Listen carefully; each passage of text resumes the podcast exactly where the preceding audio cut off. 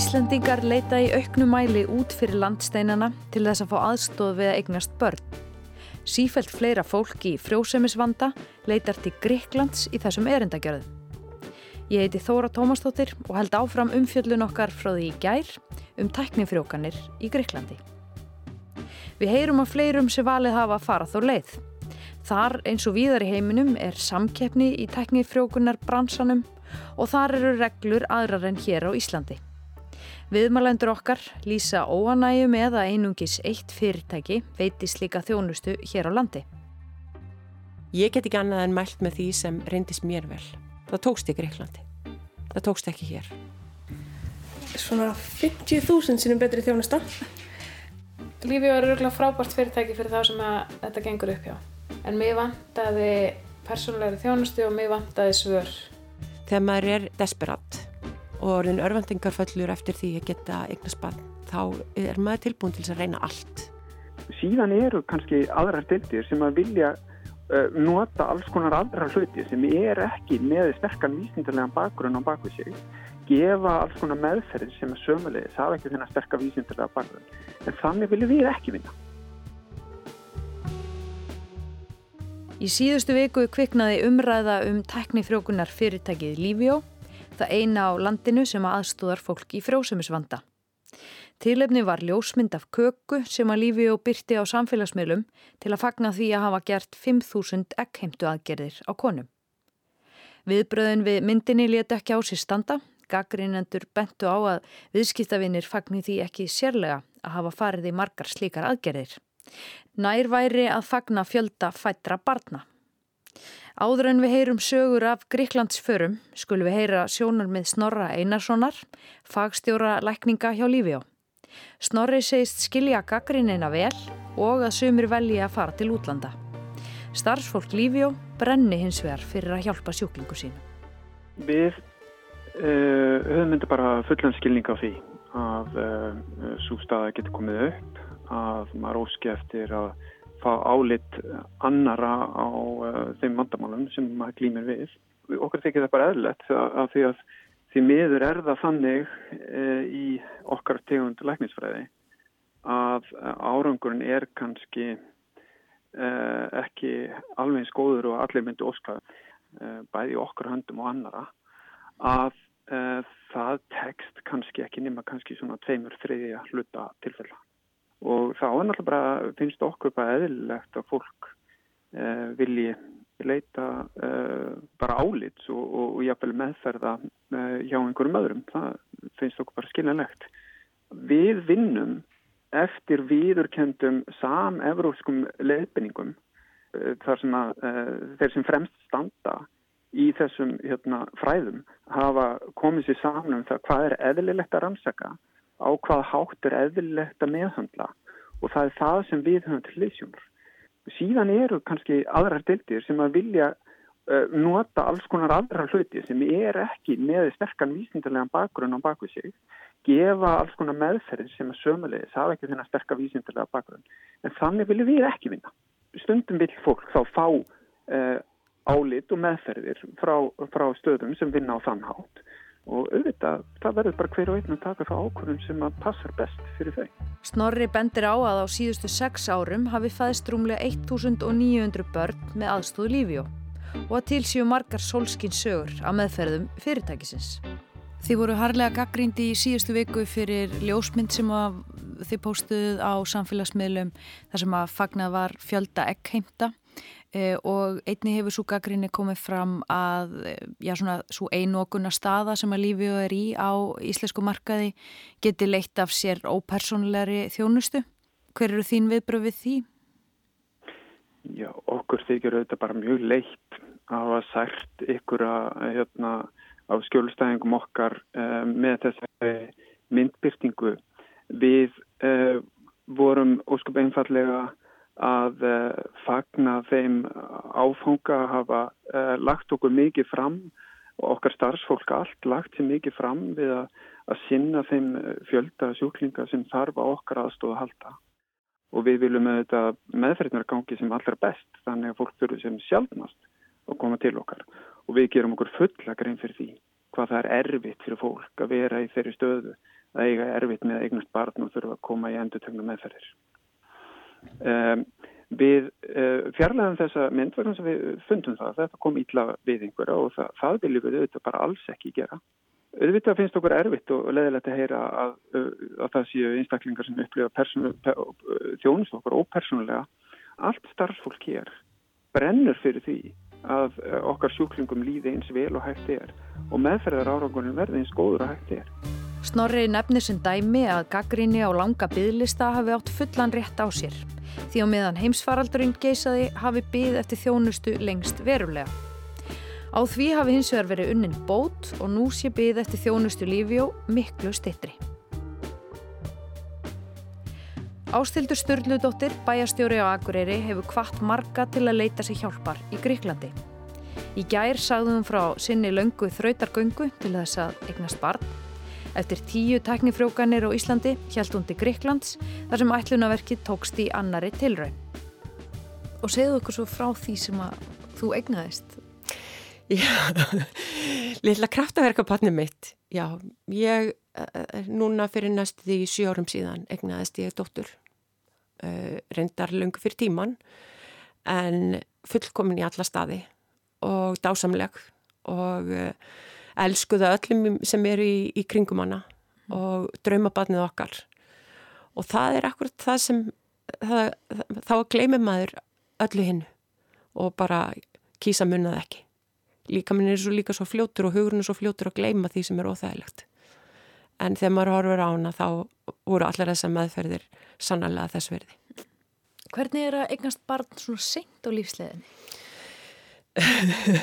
nú veit ég ekki hvernig það er eignast part snemma en mér fannst það bara æðislegt. Ég held að við höfum verið ofsalega tilbúin en við erum líka mjög verndandi fóreldrar og sjálfsagt ofverndandi og, en ég, það, ég held að það sé allt öðruvísi að vera aldrað fóreldri heldur en að vera ungd fóreldri og uh, við allavega forgangsröðum okkar tíma algjörlega í hennar þáu kannski myndi einhverju segja full mikið í hennar þá en það er okkar verkefni að, að sjá um þetta litla barn og koma því á legg.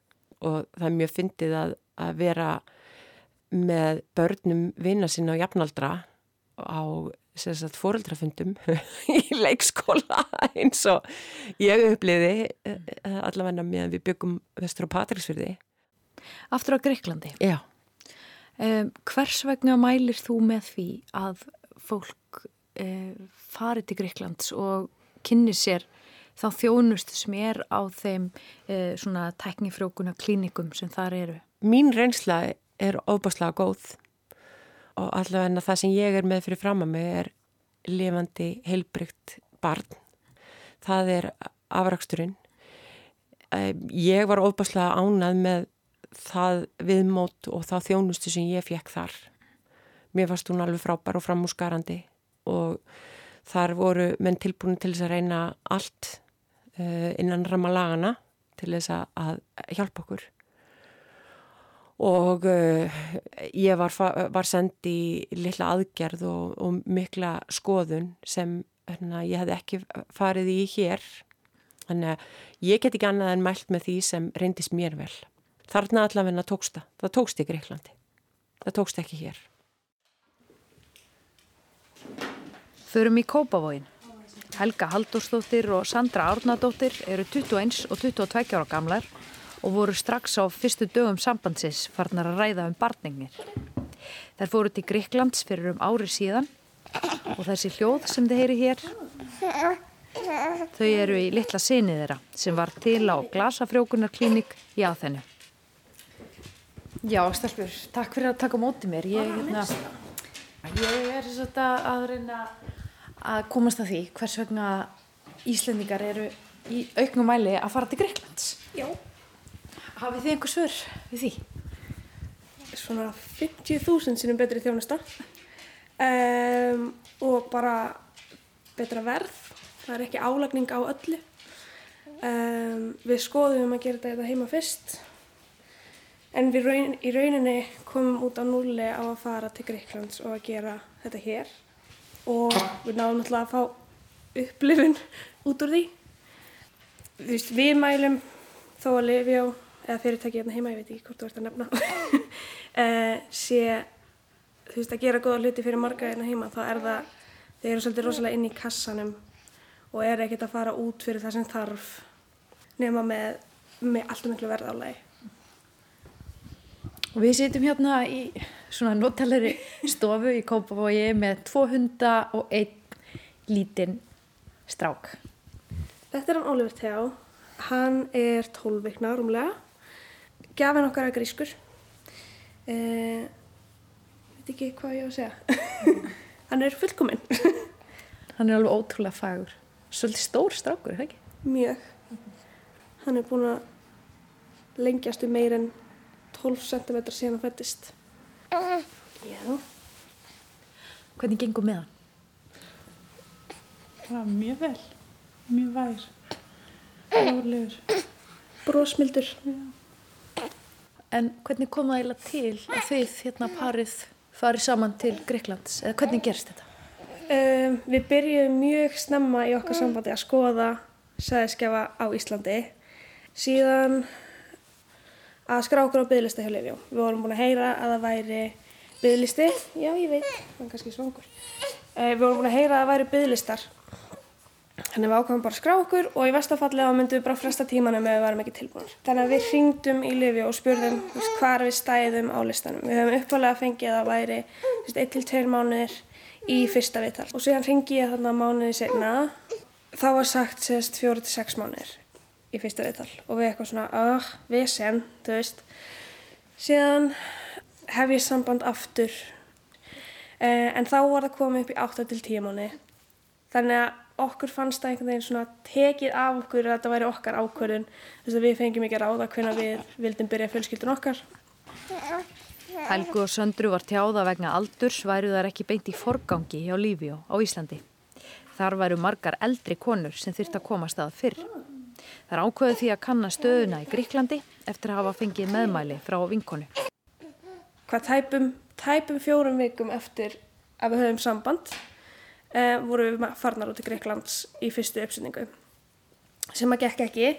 Um, við fórum svo aftur bara í september í fyrra og þá var hann til og bara þjónist hann er svo falleg og þetta er miklu svona fjölskyldu væna alveg eins og það er vinkun okkar sem við kynntumst í ferlinu hún er einstæð. Eigandi klíningarinnar þú veist, satt með henni í uppsetningunni svo hún var ekki einn þú veist, þannig að það er svona miklu komið miklu nær að manni og einhvern veginn bara svo falleg þjónusta.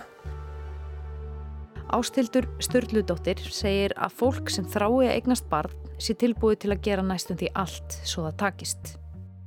Þegar maður er desperat og orðin örvendingarföllur eftir því að geta eignast barn, þá er maður tilbúin til að reyna allt. Og það, þú veist, það verið líku við hægt að segja manni að drekka sko steinolju til þess að verða ofrísk og það ég hefði gert það. Er það ekki líka svolítið hættulegt ástand þegar þú ætlar að fara að taka ákvarðanir um hvar þú ætlar að kaupa þér læknistjónustu? Og... Jú, öruglega, að sjálfsögðu, það getur verið hættulegt og uh, maður á að kynna sér hlutina vel. Það eru auðvitað áhætta sem maður tekur. Er ykkur hætta á að fólk kaupi bara alla þá þjónustu sem til er bóði sem jafnvel er óþörf? Eða... Öruglega. Og ég held að þetta sé kannski sá geiri sem það sem fólk er tilbúið til þess að eða aðlegunni í að reyna að fá batn. Maður þarf að hugsa um siðferði og alla þessa þætti. Koma þess að því? Já. Já, til dæmis bara ef þú ert að fara í gafameðferð þarf þetta að fá gafasæði eða gafaegg. Það getur verið alveg verið flókið. Ég tala nú ekki um ef að, að það er síðan farað gengið allar leið yfir í, í staðgöngu maðurinn. Var það eitthvað sem þú hugleitir? Ég auðvitað hugleiti maður það. En það var bara svona ekkert meira en svona hugleiting. Ég vissi bara að það er bannað á Íslandi þannig að það var eiginlega, það var endastuðin.